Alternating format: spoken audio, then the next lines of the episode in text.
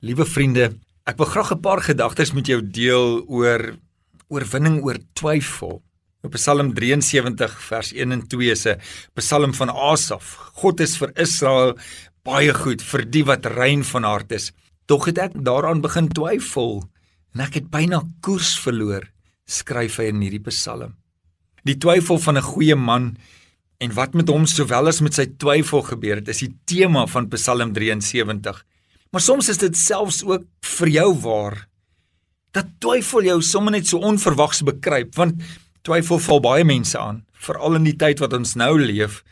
Ook goeie Christene op een of ander manier of tydstip in hulle lewe gebeur twyfel.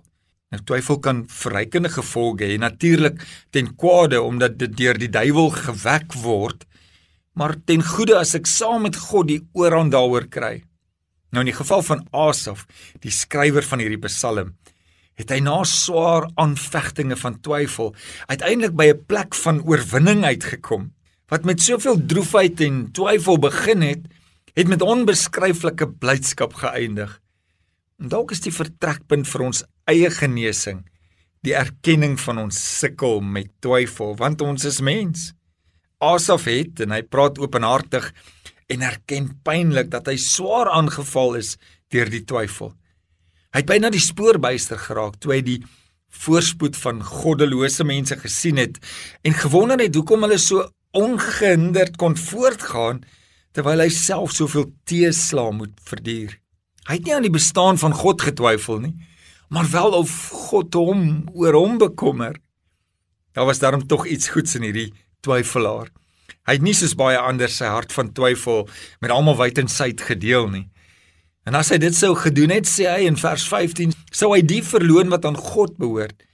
Sy gevoel van verantwoordelikheid teenoor hulle lê hom gelukkig ook te swaar op die hart. Die groot les wat ons as gelowige gedurig moet leer en onthou, kyk verby die teenswoordige dinge, want, want dit gaan jou van jou geloof beroof en dink soos Asaf aan die toekoms, aan die ewige. Die dinge wat daar bo is, dis God se uitnodiging aan ons. En hierdie Psalm wat met twyfel en onsekerheid begin het, eindig met 'n jubelsang en wat ook nou ons lofsang en gebed is. Kom ons bid saam. Daar is niks in die hemel of op aarde wat vir my meer beteken as U nie. God is my sterkte en aan Hom behoort ek vir altyd en ek het die Here gekies as my toevlug Ek sal van al sy werke bly vertel. Amen.